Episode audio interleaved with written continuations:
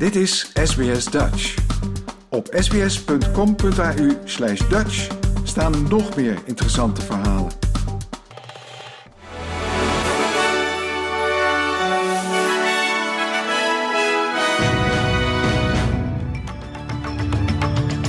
Dit is de SBS Nieuwsflits van woensdag 14 februari. Mijn naam is Paulien Roesink.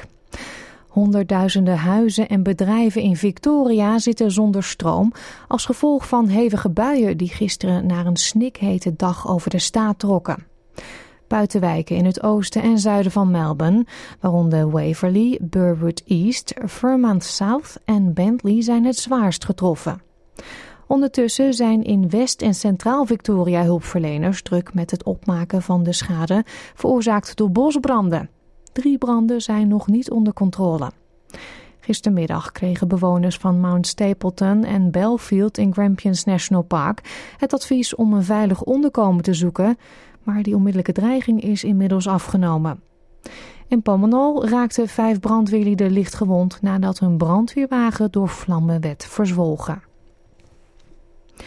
De minister van Indigenous Australiërs, Linda Burney, heeft de oproepen van de federale oppositie voor een audit van de uitgaven van First Nations programma's afgewezen. Senator Burney riep op tot meer wederzijdse inspanningen om de indigenous ongelijkheid aan te pakken. Nu uit het meest recente Closing the Gap jaarverslag blijkt dat slechts vier van de 19 sleutelgebieden op schema liggen. Peter Dutton, de leider van de oppositie, heeft Barnaby Joyce gevraagd om persoonlijk verlof te nemen. Vorige week werd Joyce gefilmd terwijl hij lang uit op de grond, half in een parkje lag en op zene dingen mompelde. Nationals-leider David Littleproud zei tegen Channel 7 dat als de senator vrij zou willen, hij die steun zou krijgen.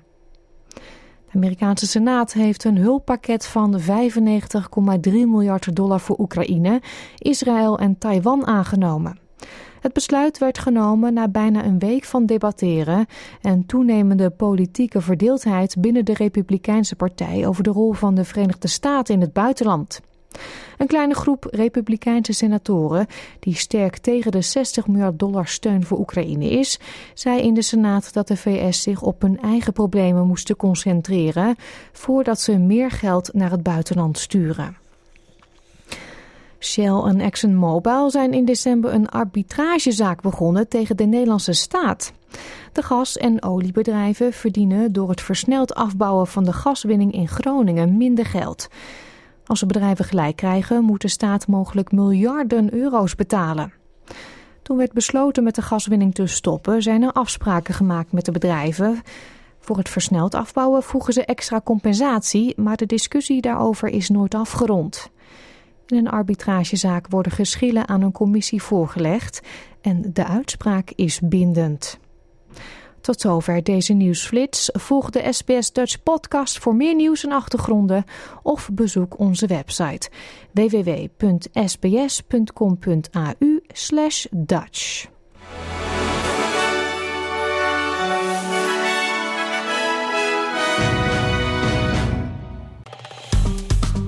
Like, deel, geef je reactie. Volg SBS Dutch op Facebook.